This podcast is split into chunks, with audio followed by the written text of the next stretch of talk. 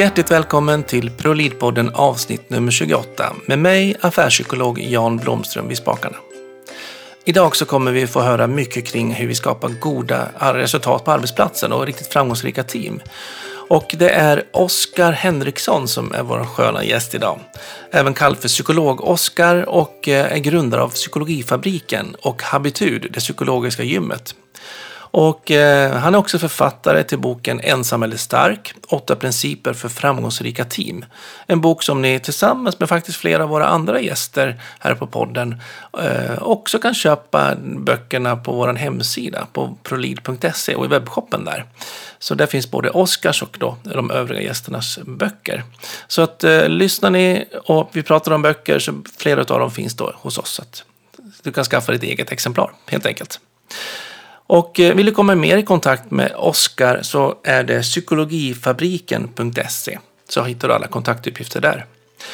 Vill du ha mer kontakt eller följa oss på eh, Prolidpodden så följer du oss antingen på våra i sociala medier, Prolid Sverige, eller gå in på prolid.se så har vi full koll där. Jag heter Jan Blomström på LinkedIn också. Där kan vi också hänga en stund så kan vi ta lite dialog och diskussion där.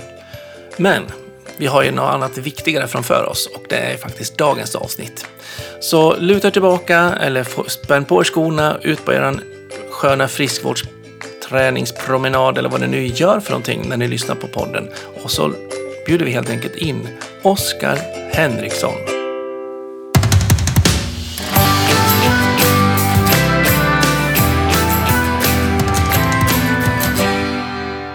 Hjärtligt välkommen till ProLid-podden säger jag till Oskar Henriksson. Tack så mycket, kul att vara här. Ja. Berätta lite vem du är. Ja, vem är jag? Den här liksom existentiella frågan. Liksom, ja, i djupet. Ta, ta, ja, precis, i djupet. Det känns som att man alltid svarar på den frågan med vad man, um, vad man jobbar med. Ja. Uh, men, men den, den, den börjar inte vi Nej, det, det, behöver vi inte göra. Men jag tycker att så här, ofta på fest så känns det också som ett här, tråkigt sätt att börja. Och det är roligare så här, typ, vad brinner du för? Testar jag ibland. Ja. Så, vad är din passion i, i, i livet? För ja. då eh, kanske det inte är liksom, jobbet som de brinner för. Och så får man fram någonting lite göttigare. Så där. Och jag tänker ju nästan, nästan tvärtom. Vad är det som fruktar dig mest? Okej, okej. Ja. ja, ja. Så den öppnar du med på, eh, på fest? Ja, det brukar jag. Vad fruktar du mest? Ja. Jag blir inte bjuden så ofta. precis, precis. Det blir liksom inte så, så härligt. Nej. Ja, oh, gud. Vad fruktar jag mest alltså? Ja. Ja, det är bra. Bli utnyttjad kanske. Uh, om man tänker så här, både i det Ja. Så utnyttjad vill du inte bli? Nej, men precis. Det är väl ja. någon sån uh, fruktan. Liksom. Ja. ja. Som, uh, ja. Det kan jag tänka mig. Ja. Och då tänker jag att det blir att man vill ha schyssta villkor någonstans. Det är någon mm. typ av balans. Ge och ta. Exakt. Ja, verkligen. Definitivt, uh, definitivt så. Ja. tycker jag är en, en rimlig grej. Och vad händer med dig då när du känner dig utnyttjad? Uh, Ja, vad händer? Ja, men, antingen, ja, men, antingen så blir man ju bara ledsen och, eller så kan det ibland vara så bara, men skit i det då. Eller liksom, då får jag väl köra min egen grej. Alltså, nu har jag ändå så startat egna företag och så vidare och det kan ju alltid vara, vara svårt att så här, diskutera med rättvisa förhållanden. Mycket så här, typ man ska stämma överens och så vidare och även om man försöker göra det så här mm. så bra som möjligt för, för andra så kanske inte alla eh, tycker det och någon annan blir rädd att eh, liksom, om, de, så, så, så, om två personer sitter och är rädda att de blir utnyttjade så kanske liksom båda gör liksom ganska så här, egoistiska saker eller liknande istället mm. för att uh, prata om det. Så. Mm.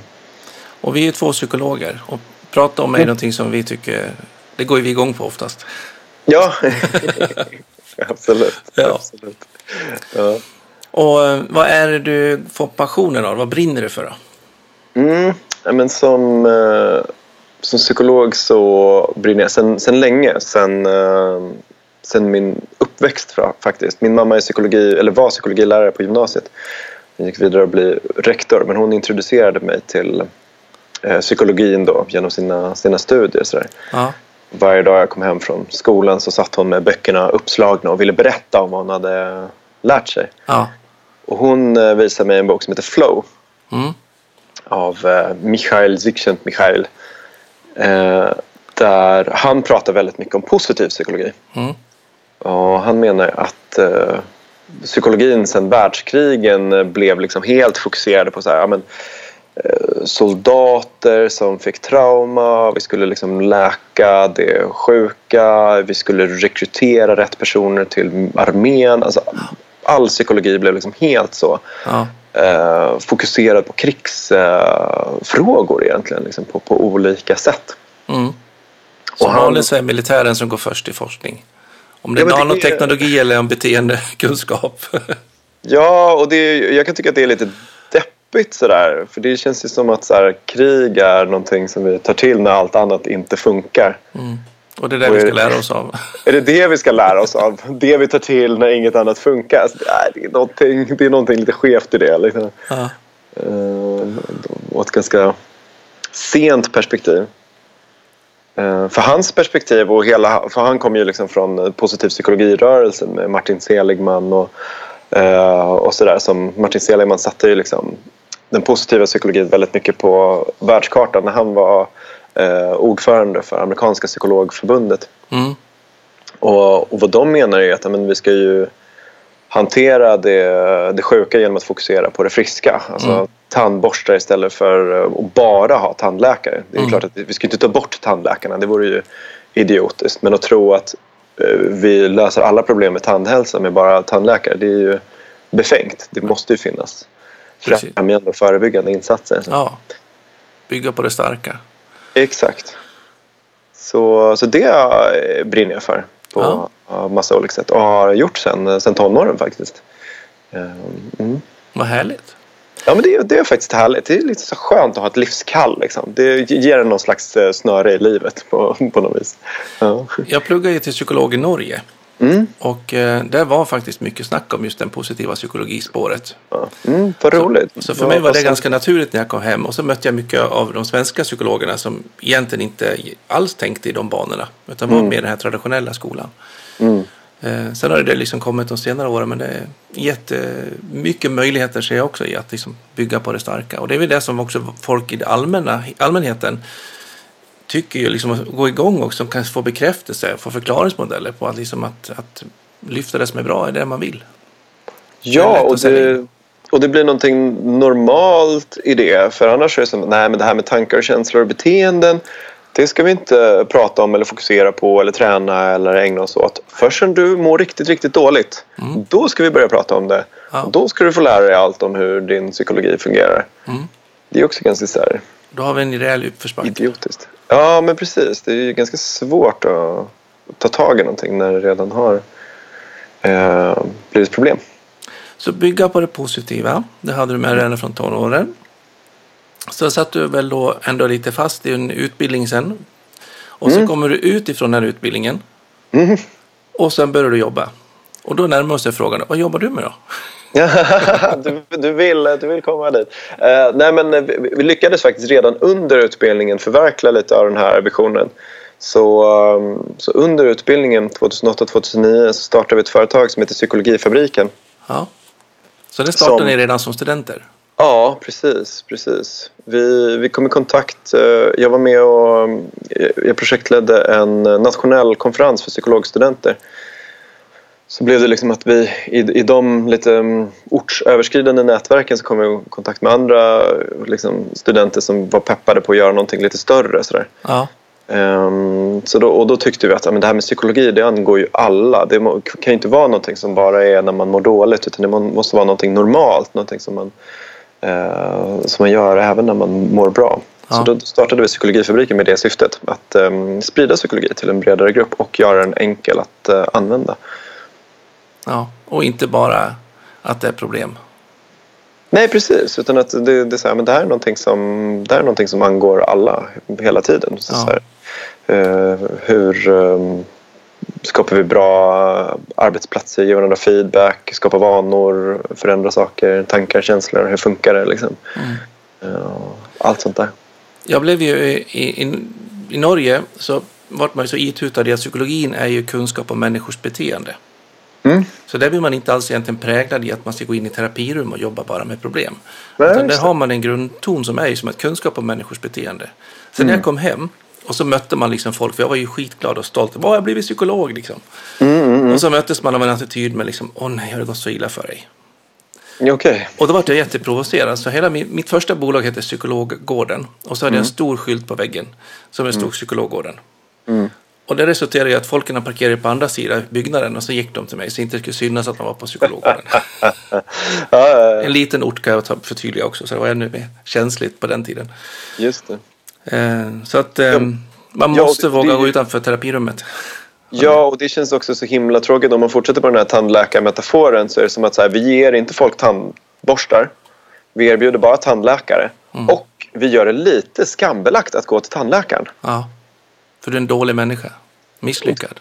Ja, men det är ju helt uh, bisarrt. Tänk om vi skulle ha det så med, med liksom, tandhälsa. Att bara, Oj, har du fått hål i tänderna? Ja, det, är något, eh, det måste ju vara något fel. Det måste ju vara något fel med dig. Liksom. Ja. Och utan att ge någon form av eh, stöd i att borsta de där tänderna så att det inte händer. Liksom. Ja, känns väldigt dysfunktionellt tycker jag. Verkligen. Och eh, utanför då tandhälsan så finns ju en arbetsmarknad. Ja. Om man översätter den liknelsen och metaforen till den. Hur, hur jobbar du eller hur ser du på, på vad, vad, vad, liksom, vad fyller psykologifabriken på arbetsmarknaden för funktion? Då? Mm. Nej, men så, så vad vi gjorde var ju att um, dels sprida den här psykologin med liksom, eh, bloggar så att vem som helst kan eh, ta åt sig den här psykologin och faktiskt lära sig om sig själv. Och sen så började vi sprida eh, mycket av den här psykologin i organisationer. Så vi eh, föreläste och sen så började vi märka att ehm, det här med föreläsning leder inte nödvändigtvis till beteendeförändring. Så bara för att vi säger att positiv feedback är bra så betyder inte det att man faktiskt börjar ge varandra positiv feedback i en eh, organisation. Nej. På samma sätt som att bara för att vi vet att det är bra att gå 10 000 steg varje dag så, Så går det, man inte. Det, är en, det är en ganska stor skillnad på att gå 10 000 steg och veta att man ska gå 10 000 steg. Ja. Eh, Och det är samma sak inom, inom psykologi. Så då började vi experimentera med massa olika sätt att, eh, att skapa beteendeförändring. Mm. Eh, och, och då har vi skapat en, en tjänst som heter Habitud. Det psykologiska gymmet. Mm. Eh, där vi kokar ner psykologisk forskning till små träningstips. Ja. Eh, som är liksom psykologins motsvarighet till att gå 10 000 steg. Så det kan ju vara eh, så, ja, men exempelvis att liksom, testa att ge någon positiv feedback eller berätta vad en kollega har gjort bra inom ramen för era värdering, värderingar som ni har satt upp på, på bolaget eller, Mm. eller vad det nu än är för någonting. Och då började vi se att så här, men om vi har föreläsningar och sen så skickar vi ut de här träningstipsen till en organisation så att de får det lite hemuppgift och så Ja. följer vi upp det. Då börjar vi få faktiskt beteendeförändring. Då gör de saker, då händer det grejer. Liksom. Eh, Och det är väldigt- först när man faktiskt kul. gör det som det blir skillnad. Exakt. För för det är liksom, du känner ju inte effekten av att veta att det är bra att ta 10 000 steg. Nej. Du känner ju effekten när du har gjort dem, när du har gått de där stegen. Liksom. Jag hade en föreläsare en gång på massa år sedan som sa att ja, först måste man höra någonting nytt. Eller höra vad man ska göra. Det kan man göra på en föreläsning. Sen måste man tänka att man ska göra det. Just det. Och sen måste man göra det. Mm. Så först får jag höra dig berätta att jag ska ge feedback. Och sen måste jag tänka att jag borde nog ge feedback. Och så glömmer jag av det. Mm. Och sen så kommer jag på att jag borde ha gett feedback. Men det gjorde jag ju inte. Men bara att man börjar tänka på att jag borde ha gjort det. Är man ju, då har man ju kommit närmare i en förändringsprocess. Just det. Och sen så ska man faktiskt också göra det. Och så är det att man ska göra det 21 gånger innan man säger att man inte bara provar att göra det utan man faktiskt är en sån som ger feedbacken. Mm. Ja, men det är jättefint. 21 gånger verkar tyvärr vara en myt. Ja, det tror jag också. Eh, alltså, det, det verkar komma från en, en, det var en plastikkirurg som, som skrev en bok där han sa att det tar 21 dagar för amputerade att anpassa sig till ett liv utan sin lem. Ja, Så, så då började man tänka att det tar 21 dagar att skapa en vana. så enkelt. Det kan man ja, men schablon använda till allt. Men, Ja, ja, men man får göra några gånger i alla fall innan man blir det. Ja, men exakt. exakt. Det, tar, det tar en liten stund. Men ehm, ja. Men just det där med att man vågar tänka och att det också kan vara ett kvitto på att man är på väg, tänker jag. Eh, för jag stöter på många som liksom säger, ja men vi bestämde vad vi skulle göra, så gjorde vi det inte. Jag bara glömde av det, så tänkte jag på det efteråt och då var det ju för sent. Så nu ja. lika bra att lägga ner projektet, de där 10 000 stegen. Mm. Men eh, det är också en resa framåt. Men man får inte stanna där. Då blir det i alla fall inte gångna några steg. Verkligen. Verkligen. Knowing is not doing. Nej. Men eh, då är det habitudtjänsten, alltså gymmet där. Jag brukar ofta prata om mental träningsverk. Ja, ja men det är härligt. Hur tänker du kring ett sånt begrepp? Um, alltså, jag tycker att det är ganska gångbart. Det jag ibland studsar lite på uh, och ibland så blir vi omskrivna som, som ett mentalt gym eller, uh, eller ett gym för hjärnan. Mm. Och, och, det är väl okej, okay, men, men det, det, som man kanske riskerar med mental träning det är att man får en bild av att det är sudoku. Mm. Eller att det på något sätt är någonting som liksom sker inuti en hjärna. Och att det är någonting som är väldigt individuellt. Att så här sitter jag med min mentala träning. Mm. Eh, medan eh, det, det är en nyansskillnad, men vi säger psykologisk träning för att vi ska träna på saker som vi har sett i psykologisk forskning. Mm. Och allt där visar ju på att liksom människan beter sig i sammanhang. Ja. Det är ju liksom inte isolerade människor utan vi behöver team och organisationer och arbetsmiljöer och, och vår flock. Liksom. Mm. Eh, det är där beteendet och tankarna och känslorna uppstår. De uppstår i det här, i det här sammanhanget. Så, så den psykologiska träningen handlar ju jättemycket om hur eh, skapar ni er arbetsmiljö? Hur ger ni feedback? Hur pratar ni om balans mellan arbetsinsats och belöning? Hur sätter ni mål? Hur pratar ni om, um, om olika liksom, diskriminerande eh, beteenden? Eller så? Alltså, så här, det är jätte... Själva uh, görandet?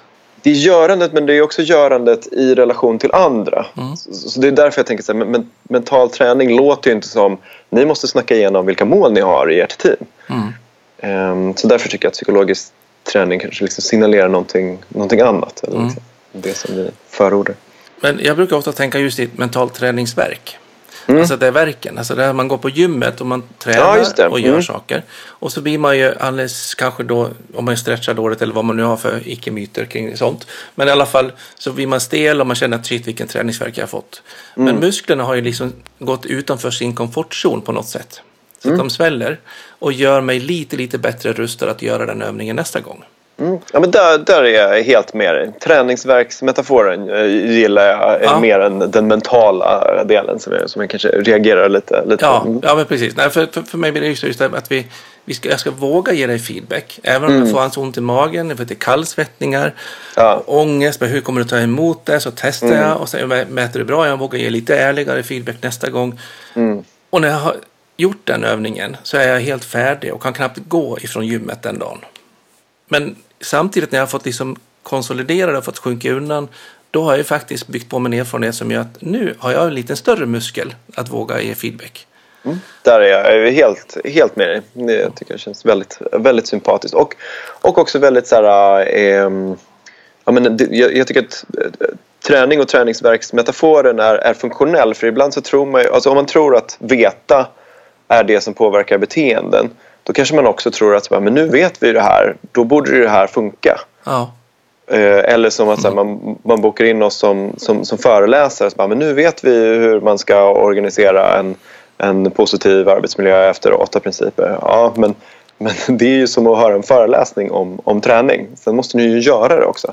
Precis. Eh, och då kommer ju där liksom, både träningsverken men också repetitionen och hålla igång konditionen. Alltså, det finns många paralleller som jag tycker är, gångbara där. Ja. Jag var på ett eh, uppdrag igår och jobbade och då pratade vi så här med att det vi gör nu är att vi gör gymgenomgång. Så att vi går igenom maskinerna, mm. vi gör lite verktyg och sånt. Just det. Men mm. era förbättring den sker ju hemma i löpspåret. Ja. Ni måste mm. ut och springa för att få bättre kondition. Mm. Jag har skrivit en bok faktiskt som heter Chefen som personlig tränare. Fint. Fint. Mm. Och i den ligger liksom att eh, man måste ju få, alltså chef, som tränaren kan ju aldrig springa en meter åt dig och du ska få en bättre kondis. Man måste Nej. göra jobbet själv.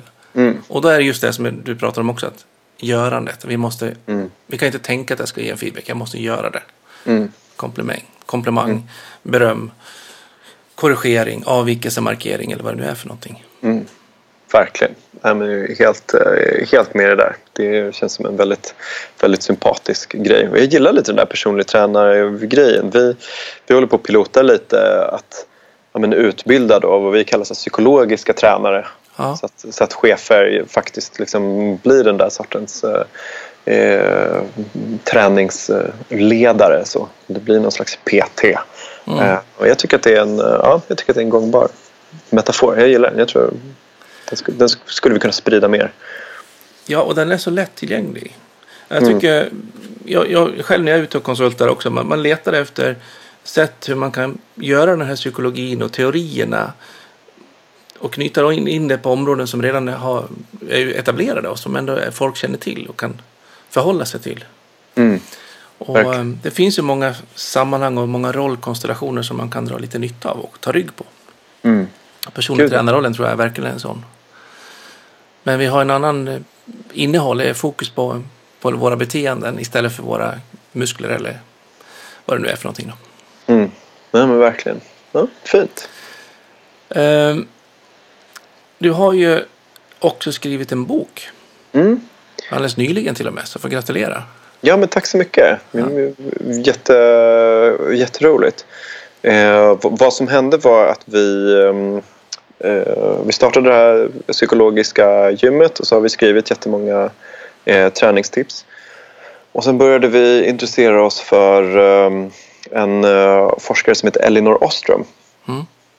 Hon är nationalekonom, statsvetare och fick ekonomipriset till Alfred Nobels minne 2009. Mm. Och nu för några veckor sedan så var det den 78 mannen fick det här ekonomipriset. Men uh, Elinor Ostrom är fortfarande den enda kvinnan som har fått uh, priset. Skam, men ändå. ja, men precis. Då, då, känns det också så här, men, väldigt bra att så här, lyfta fram hennes verk som är jätte jätte, jättehäftigt. Hon är en otroligt häftig forskare. Ja. Och vad hon har gjort det är att hon har studerat um, vad som gör att ett samarbete håller.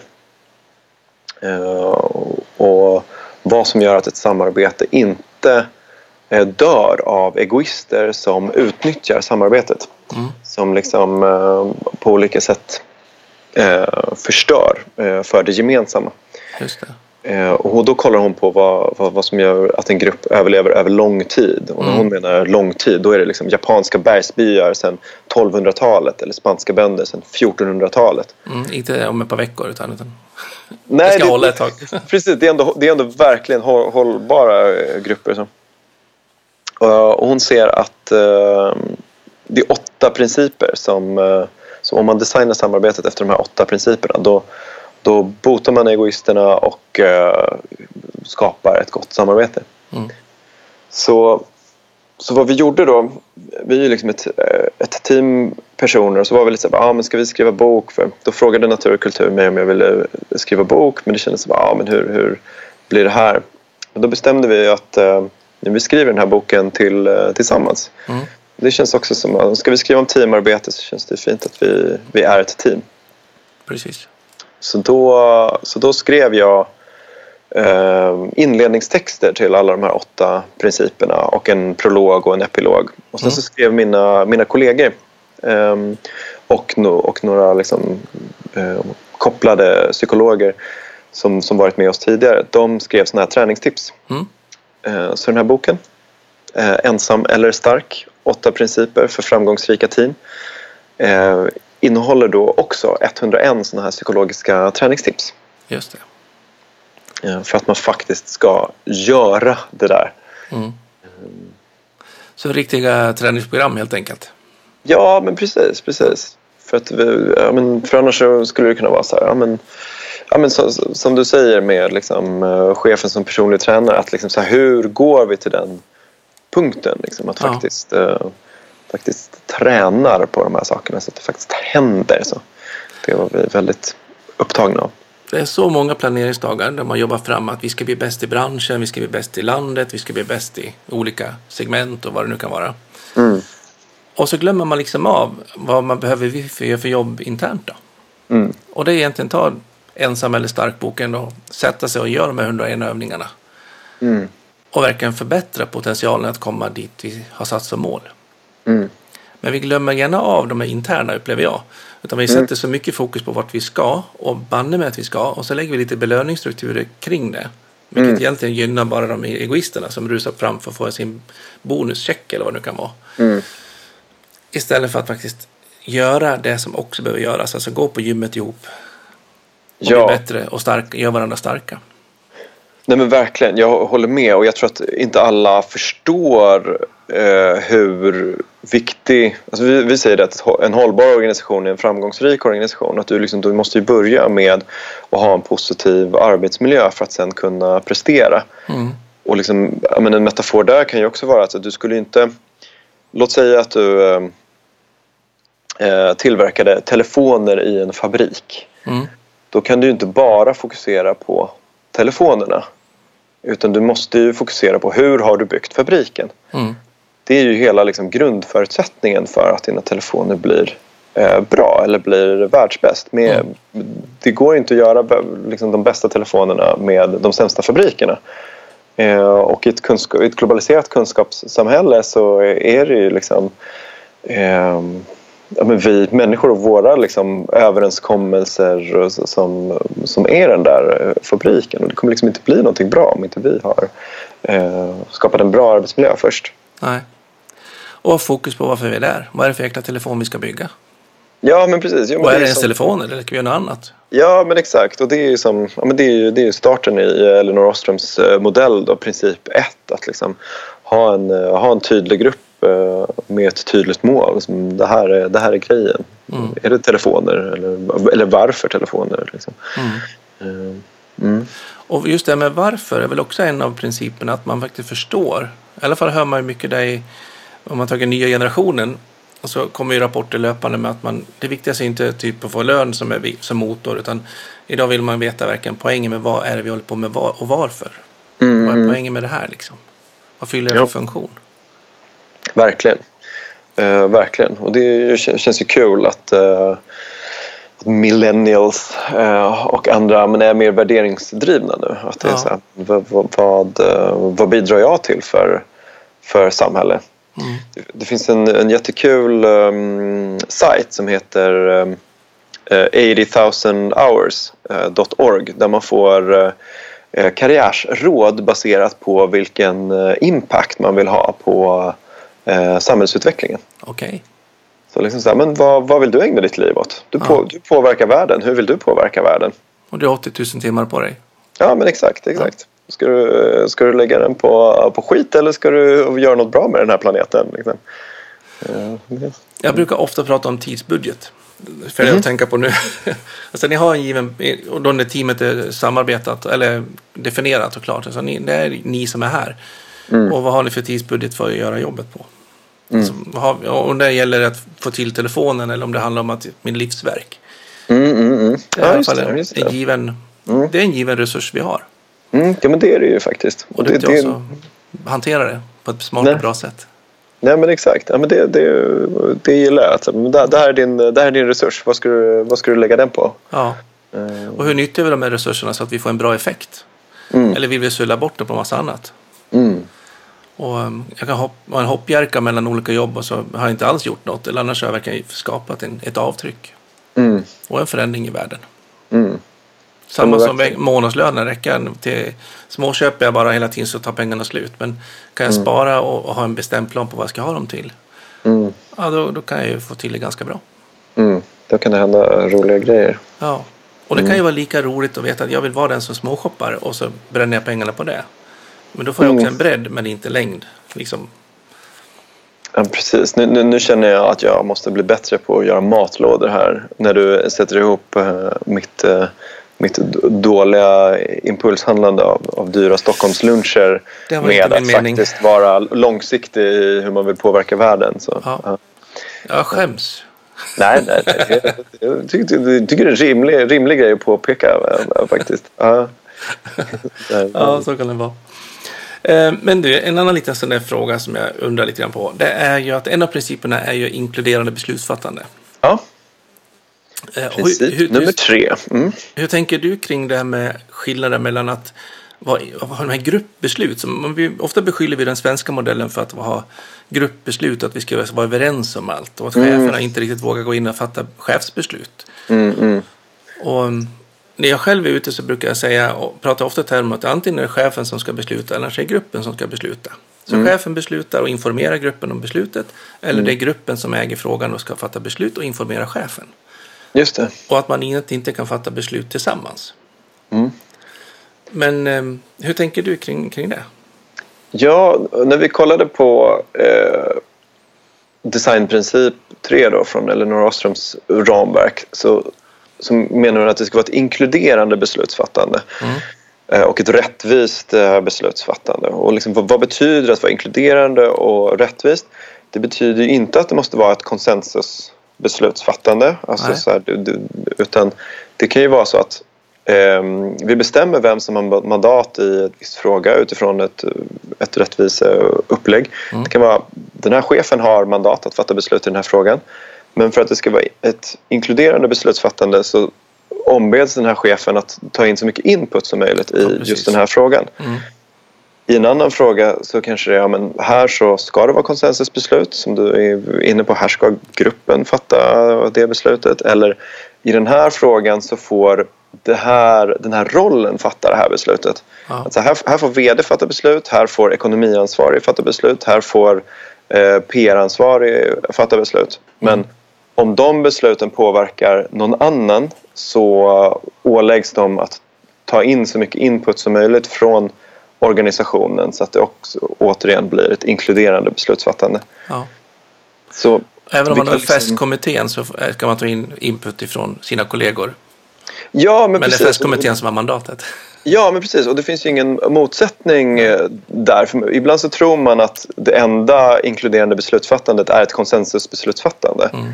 Men det stäm, stämmer inte. Utan du Nej. kan ju ha en, en vd som lyssnar supermycket på allas eh, åsikter. Mm. Vi, ja, men vi tar det exemplet med, med Jan Karlsson från, från Rivpyramiderna som han, som han skrev att liksom, när han lägger fram ett, ett förslag då har han redan gått runt och lyssnat på hela organisationen. Så mm. då är, är, det förslaget väldigt okontroversiellt för att ja. det är egentligen vad alla redan tycker. Men det är ja. fortfarande han som beslut, har ja. mandatet att fatta det beslutet. Så.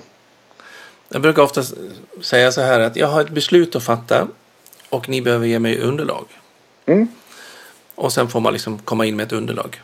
Mm. Och så brukar jag skilja också mellan att, eh, att om man säger att man ska komma med ett underlag till, förslag, till, eh, under, underlag till ett beslut eller man ska ge mm. ett förslag. För ett förslag som man lämnar in, mm. då blir man ju, du som chef behöver ju liksom ta det. Eller mm. annars lär du förkasta mitt förslag. Mm. Nästa gång du kommer och säger att du vill ha ett förslag, ja men gör det själv då. När du inte tog mitt förra gången.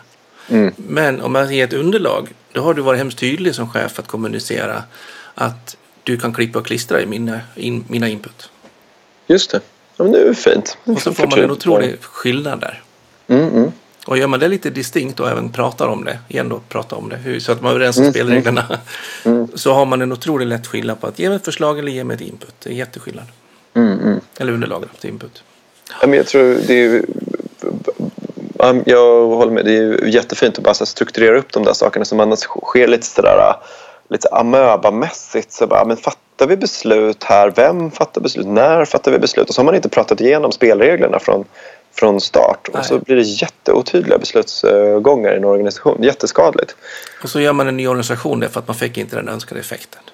Ja, just det. Ja, precis. Ja men det, ja, men det känns ju också som en klassiker att man så här, gör en omorganisation istället för att använda lite, lite basic psykologi. Och, och man pratar i och för sig lite mindre om nya organisationer idag.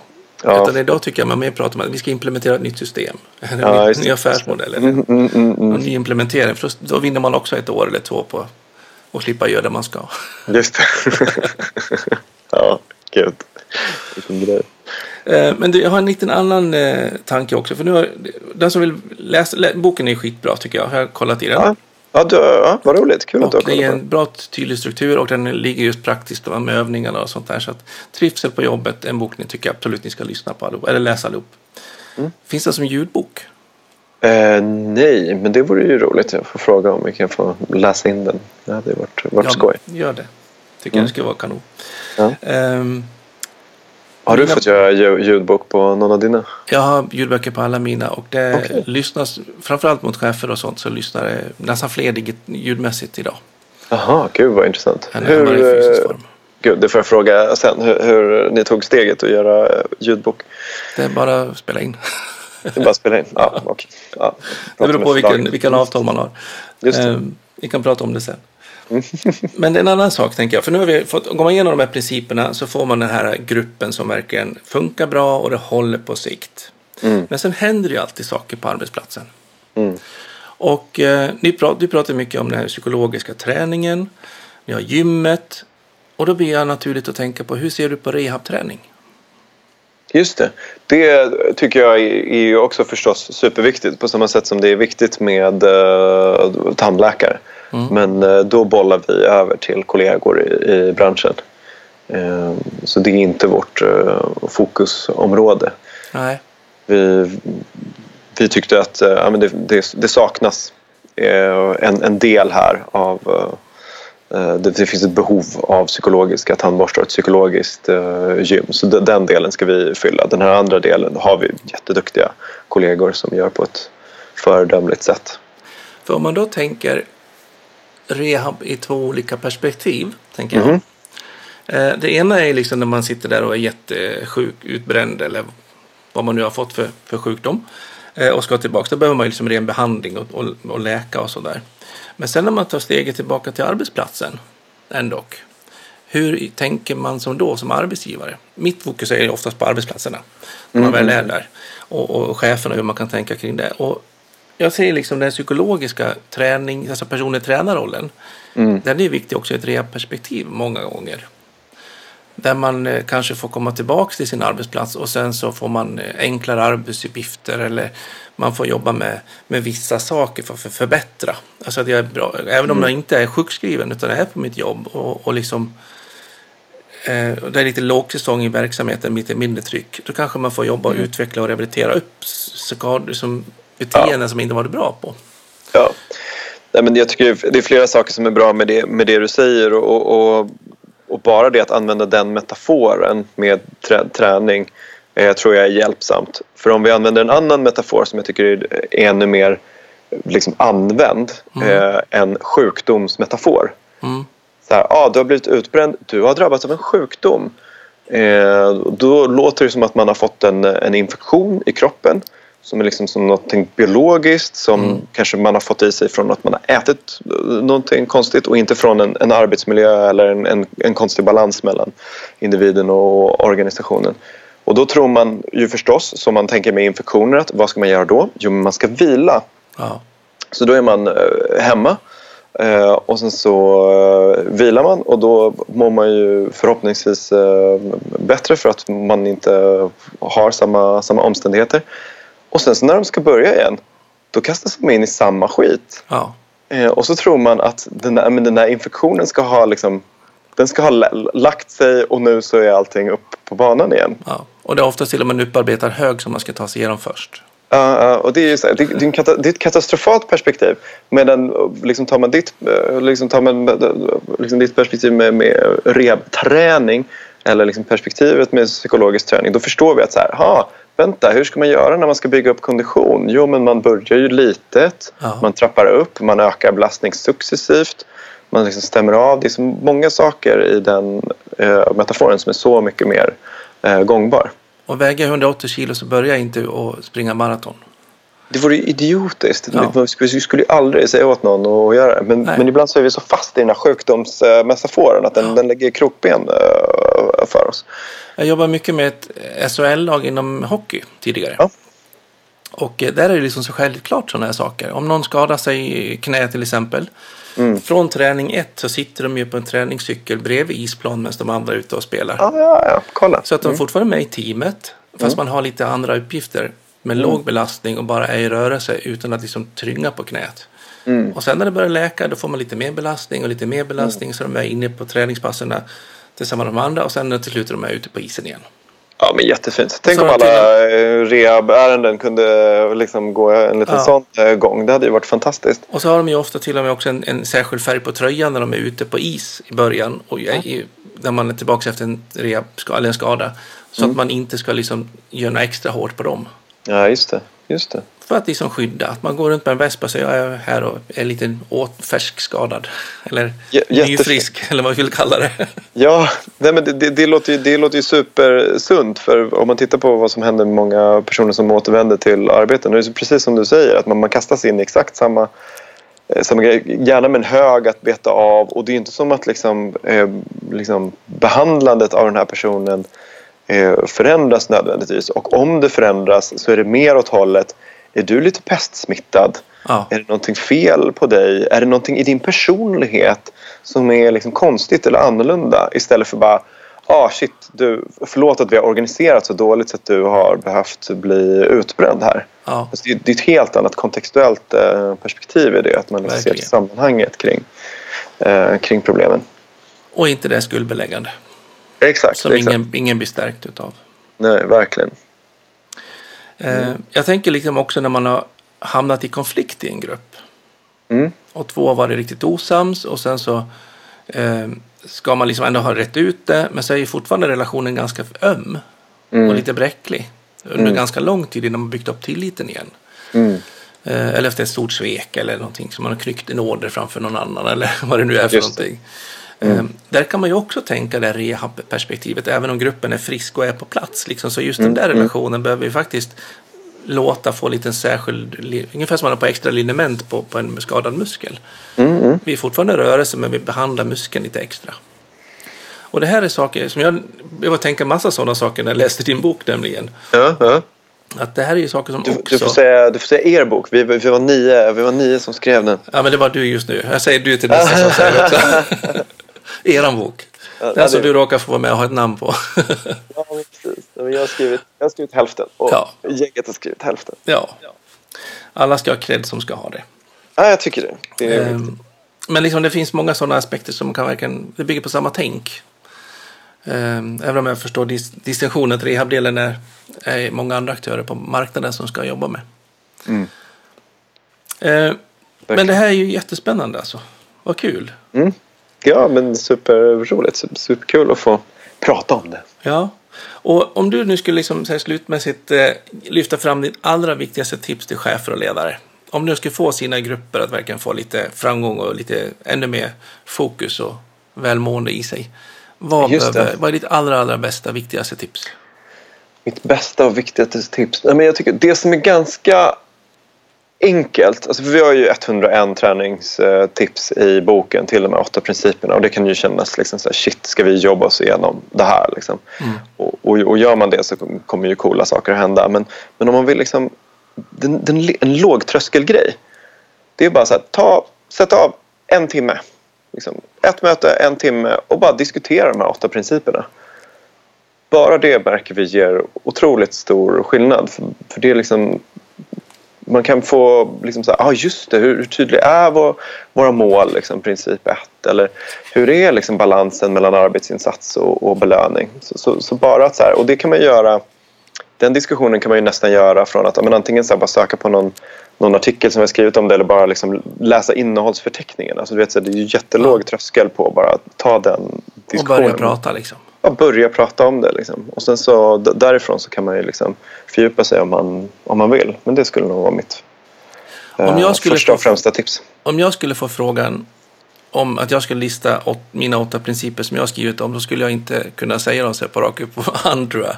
Ja. Eh, Kan, kan du dem rakt upp och ner? Absolut. absolut. Jag kan dem, men inte bara ramskunna dem. Så princip ett, vi drar igenom dem lite kort. Mm, mm. Vad är den? Då ska du skapa en tydlig grupp med ett tydligt mål. Princip två är, Balans mellan insats och belöning. och designprincip tre. Rättvist och inkluderande beslutsfattande. Designprincip fyra. Uppföljning av överenskomna beteenden. Och princip nummer fem. Graderade sanktioner för ohjälpsamma beteenden. Och princip sex.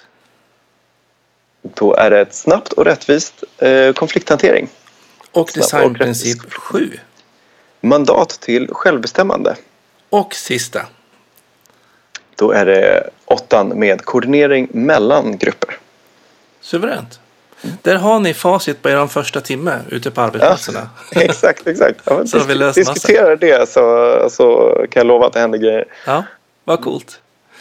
Jättespännande. Och lycka till alla där ute när ni kör igång era diskussioner. Och träna gott. Var inte rädd.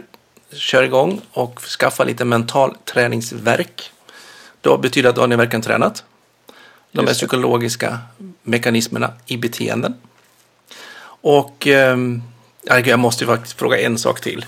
Ja, kör, kör, kör. chefer har jättemycket lätt att kommunicera avvikelser ibland om det är så att man har gjort ett avtal med att köpa in en kopiator. Så funkar inte den, då rapporterar man och det direkt. Och om man inte har uppnått säljmål i verksamheten så säger man det till medarbetarna att det håller inte, du måste sälja mer. Mm. Men när det gäller beteenden, Mm. då felanmäler vi aldrig. Mm. Det är nästan min erfarenhet. Man är jättetafflig när det gäller att säga att du betedde dig inte vad jag förväntar mig att du skulle bete dig. Mm. Och det, Nej, blir- men visst. Det, måste, det känner du igen dig i den bilden? Ja, men absolut. Och det är det, alltså, princip 5 om graderade sanktioner för ohjälpsamma beteenden tar upp precis det, att vi måste Ja. liksom säga ifrån. Eh, och, det, och det är superviktigt, men ännu viktigare principen innan, uppföljning av de överenskomna beteenden. Så fångar vi eh, liksom de sakerna som faktiskt funkar. Mm. Så återigen med liksom, träningsmetaforen att pl- plussa på träningen så kommer vi eh, be- behöva mindre av rehabiliteringen. Precis, och då behöver jag både belöna och berömma när du gör den Mm. som är överenskommen. Och man behöver säga att jag saknar den vi kom överens om. Ja, verkligen. Ja, coolt. Mm. Du, tusen tack för idag. Ja, men superkul att få vara med. Tack så Ja, mycket. kanon. Ja, Vi hörs. Hej. det gör vi. Hej.